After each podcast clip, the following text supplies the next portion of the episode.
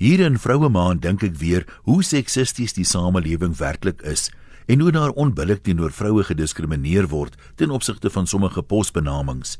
As 'n vrou 'n medikus of geneesheer is, hoekom nie 'n geneespersoon of 'n geneesdame nie? Dan bly sy 'n dokter en duidelik nie 'n dokster nie. 'n Man vertel my nou die dag dat hy by 'n vroue dokter was en dat sy die beste dokter was wat hom nog behandel het. Toe ek baie diskreet probeer uitvind waarom hy as man 'n ginekoloog moes besoek, moes ek uitvind dat hy by 'n dame was wat 'n algemene praktisyn is.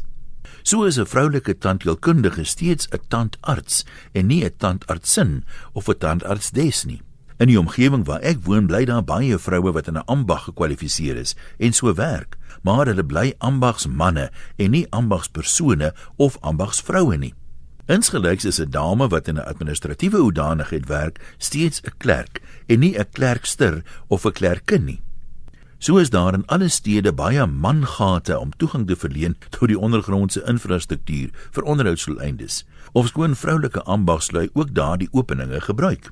Indien 'n vrou in 'n werkswinkel werk waar motors gediens en herstel word, is sy steeds 'n motorwerktuigkundige en nie 'n motorwerktuigkundigin of motorwerktuigkundigste nie. 'n Dame wat as 'n geestelike leier werk, bly 'n predikant, dominee of pastoor en nie predikantes, dominees of pastorin nie. Insgelyks bly 'n vroulike ingenieur 'n ingenieur en sy word nie 'n ingenieurin nie. Daar is egter etlike uitsonderings, veral in die opvoedkundige sektor. Op skole is daar manlike onderwysers, maar vroulike onderwyseresse. Ek wonder nou net of die kwaliteit van onderwys van 'n onderwyser verskil van die van 'n onderwyseres.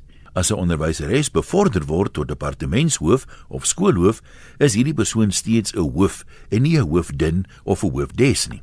Op tersiêre vlak kry ons manlike lektore, maar vroulike lektrises. Of skoon die werkslading en uitset van albei dieselfde is of dan behoort te wees. Beide word egter bevorder tot dekaan van 'n fakulteit en nie dekanes van die fakulteit nie. Later kan hulle selfs die fisiekanselier, nie fisiekanselierin word nie.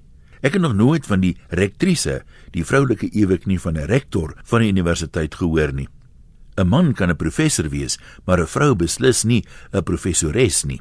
In die verpleegingsberoep is daar egter 'n groot probleem.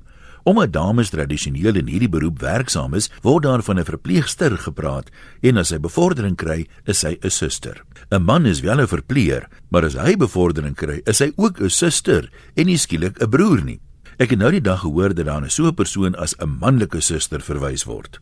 Ai ai ai, hierdie dinge maak my nou heeltemal die mekaar, sodat ek liewer sê groete van oor tot oor, Antoniem.